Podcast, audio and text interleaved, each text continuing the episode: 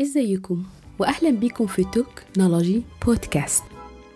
هنا هنتكلم مش بس عن التكنولوجيا لكن كمان عن علاقتها بالبني آدمين في مصر والعالم وإزاي أي تغيير فيها ممكن يأثر على كل واحد فينا في كل حتة. يلا بينا. هل تريد قراءة مقالات تقدم أشهر النتائج العلمية؟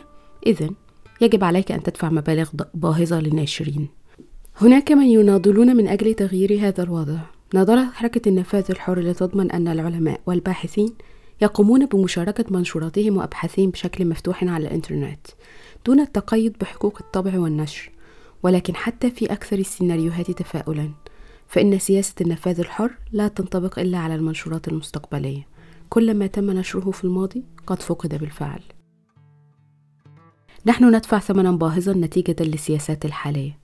مثل إجبار الأكاديميين على دفع النقود ليتمكنوا من مطالعة أعمال زملائهم أو رقمنة مكتبات بأكملها بينما يتمكن موظفو جوجل الذي يقومون بتحميلها على الإنترنت وحدهم من الاطلاع على محتواها كاملا أو إتاحة المقالات العلمية لكبراء الباحثين في أفضل جامعات الدول المتقدمة في حين أن أطفال وطلبة البلدان الأخرى لا يمكنهم النفاذ إليها. هذا أمر مشين وغير مقبول. العديد يقولون نحن موافقون لكن ماذا يمكن أن نفعل؟ فالمؤسسات لها الحق في الاحتفاظ بحقوق الطبع والنشر وجني أموال طائلة وهو أمر طبيعي وجائز قانونيا وبالتالي لا توجد طريقة لمنعه لكن يمكننا فعل شيء هو الرفض والمقاومة الكلمات اللي فاتت دي مش كلامي لكن ده جزء من بيان اسمه Guerilla Open Access Manifesto أو بيان حركة حرية النفاذ واللي كتبه شاب اسمه أرون شوارتز. أرون هو بطل حكايتنا النهاردة. شاب أمريكي الجنسية من صغره وهو مهووس بالتكنولوجيا وبأفكار زي الحق في المعرفة والمعلومة. أرون واحد من الناس اللي لعبوا دور قيادي في حماية الإنترنت حر ومفتوح وحاول كتير إنه يستخدم التكنولوجيا عشان يحارب الظلم الاجتماعي والسياسي. من وجهة نظر أرون المعرفة والمعلومات هي ثروة مش المفروض أي حد يتحرم منها. أرون وهو عنده 12 سنة صمم مع أخواته موقع إلكتروني وسماه Info Network. فكرة الموقع دي هي نفس الفكرة اللي اتبنت عليها ويكيبيديا وده المشروع اللي أخد عليه جايزة وهو لسه في السن ده. والجايزة دي بتتمنح لأحسن المشروعات العلمية وغير ربحية. أرون وهو عنده 19 سنة كان واحد من مصممين موقع Reddit واللي اتباع بالملايين وبقى واحد من أصحاب الملايين وهو في سن صغير. في نفس الفترة دي أرون اشتغل مع مجموعة من المبرمجين من ضمنهم الأب الروحي للإنترنت على مشروع لتطوير الإنترنت بشكله الحالي. أرون كمان كان ليه دور كبير في إنتاج وتطوير مجموعة من المشاريع التقنية اللي بتسمح بإتاحة المعرفة لكل الناس.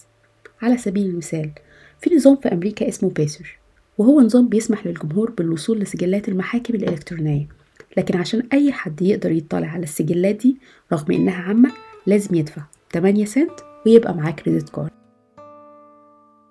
إجمالي الحصيلة السنوية لتقديم الخدمة دي بتوصل لأكتر من 150 مليون دولار وده ربح صافي جاي من تكلفة الاطلاع على وثائق عامة غير محمية بحقوق الملكية الفكرية وما بتكلفش القائمين على الخدمة ربع المبلغ ده حتى خصوصا إن في قانون في أمريكا خاص بالحكومة الإلكترونية بيسمح بس بتحصيل مقابل مادي بسيط يكفي لتكلفة تشغيل الخدمة مش كمان تحقيق ربح طائل من وراها.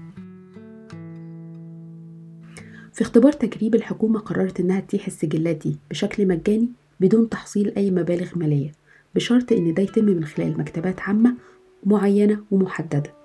الحل ده ما كانش عملي عشان المكتبات دي كان عددها قليل والمسافات بينها وبين بعض كانت بعيدة. بس أرون كان عنده فكرة للموضوع ده. أرون طور برنامج عن طريقه يقدر يسحب الملفات أوتوماتيك من نظام بيسر بسرعة عالية للدرجة اللي مكنته من إنه يسحب 20% من إجمالي الوثائق والملفات الموجودة على الموقع يعني بما يوازي 20 مليون صفحة من النصوص والوثائق. اللي حصل ده أربك اللي شغالين على برنامج بيسر بس في نفس الوقت ما كانوش يقدروا يعملوا حاجة لأن مفيش حاجة في اللي عملها أرون غير قانونية بس في نفس الوقت لفت انتباه ال FBI ليه. الفكرة اللي عملها أرون دي مش بس قدر إنه يتيح وثائق عامة وخلاها تبقى على موقع إلكتروني عام ومتاح لكل الناس لكن كمان قدر في تحليله للوثائق دي إنه يكتشف انتهاكات كبيرة للخصوصية في الوثائق وخلى في النهاية المحاكم تغير سياستها. أرون كان دايما بيتكلم عن فكرة مين اللي بيتحكم في المعلومات اللي بتوصل لنا والأفكار وكان شايف إن الأزمة الحالية مش في إن الناس يكون عندها وسيلة تقدر تعبر بيها عن رأيها. لكن المشكلة الحقيقية في حراس البوابات الإلكترونية اللي بيتحكموا في إيه ومين اللي يتسمع.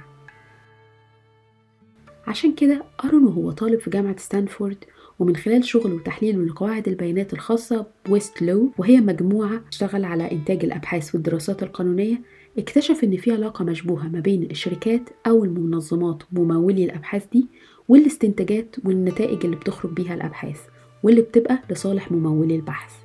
مش بس كده أرون في 2011 قاد وصمم حملة كبيرة عشان يمنع تمرير قانون القرصنة الإلكترونية سوبا في الكونجرس واللي كان بيسمح بمراقبة الإنترنت من قبل الحكومة. القانون ده كان ممكن يعتبر تهديد لحرية الإنترنت اللي الناس تعودت تاخدها بشكل مسلم بيه. ورغم إن في البداية نسبة تأييد أعضاء الكونجرس للقانون كانت كبيرة بس نتيجة للحملة اللي اتعملت اتعمل تحالف ضد تمرير القانون اللي سقط في الكونجرس أرون كان دايما بيشغل تفكيره فكرة المعرفة وإزاي كتير من الأبحاث والدراسات الأكاديمية والعلمية الوصول ليها حصري على الدارسين في الأماكن دي في حين بيتحرم منها أي حد تاني غير قادر على دفع مقابل مادي للاطلاع عليها. رغم إن الدراسات والأبحاث دي في الأصل أغلبها ممول من جيوب دافعي الضرايب واللي أغلبهم ملوش حق الاطلاع عليها وعشان يقروها لازم يدفعوا تاني. أرون كان شايف إن الدراسات العلمية والأكاديمية دي ميراث إنساني لازم يرجع للناس مرة تانية. لكن العكس هو اللي كان حاصل إن الميراث ده اتقفل عليه بهدف تحقيق ربح ومكاسب من وراه. أرون في سبتمبر 2010 قرر يعمل تجربة اجتماعية واستغل وجوده في جامعة MIT ودخل على ال system الخاص بالأوراق العلمية وعلى مكتبة JSTOR وهي مكتبة إلكترونية بتحوي أعداد ضخمة من المقالات والدراسات العلمية والأكاديمية. من سبتمبر 2010 ليناير 2011 أرون حمل تقريبا 5 مليون مقال من قاعدة بيانات JSTOR في الوقت ده كانت الجامعة اكتشفت اللي بيعمله أرون ومكتب ال FBI اللي كان حاطط أرون تحت الرادار بقى عنده خبر واتدخل عشان يقبض على أرون في 6 يناير 2011 أرون بعد الإفراج عنه بكفالة تم توجيه ليه 13 اتهام عقوبتهم توصل ل 35 سنة سجن يعني عدد سنين أكبر من عمره اللي عاشه وهو 26 سنة غير غرامة توصل لأكتر من مليون ألف دولار. مع المنحنى المرعب اللي أخدته القضية JSTOR قررت إنها تسقط الدعوى ضد أرون في حين إن جامعة MIT ما اتدخلتش وزارة العدل أصرت على الاستمرار في القضية ورفضت أي مبادرات للتفاوض في محاولة منهم إن هم يعملوا من أرون وأفكاره عبرة.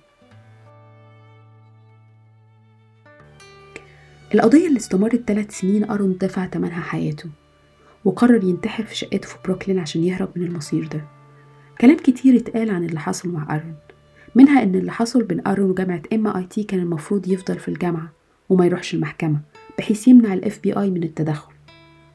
غير كده أرون لما كان بيحمل مقالات من JSTOR سواء اتفقنا مع اللي عمله أو اختلفنا معاه فاللي حصل ده ما ينفعش يتصنف على إنه سرقة ولا إنه كان ناوي يبيع المقالات دي. هو بس في اللحظة دي كان بيحاول يوصل رسالة معينة. بعد التسع سنين من موت أرون وقت أزمة كورونا محرري المنشورات العلمية والأكاديمية أخذوا قرار برفع الحظر عن الاشتراك غير المدفوع في الدوريات العلمية عشان يسرعوا عملية الوصول للعلاج واللقاح. ورغم أن التصريح والسماح ده مؤقت ومرتبط بمجالات محدودة لكنه اعتراف بأن نظام الاشتراك المدفوع لقراءة والاطلاع على الدوريات العلمية وحظرها هو نظام غير فعال وبيقضي على فرص تنمية وتطور كتيرة أو على الأقل بيعطلها. كمان بيأكد على أن فكرة الاحتفاظ بالعلوم ورا حواجز بتضر بتقدم العلوم.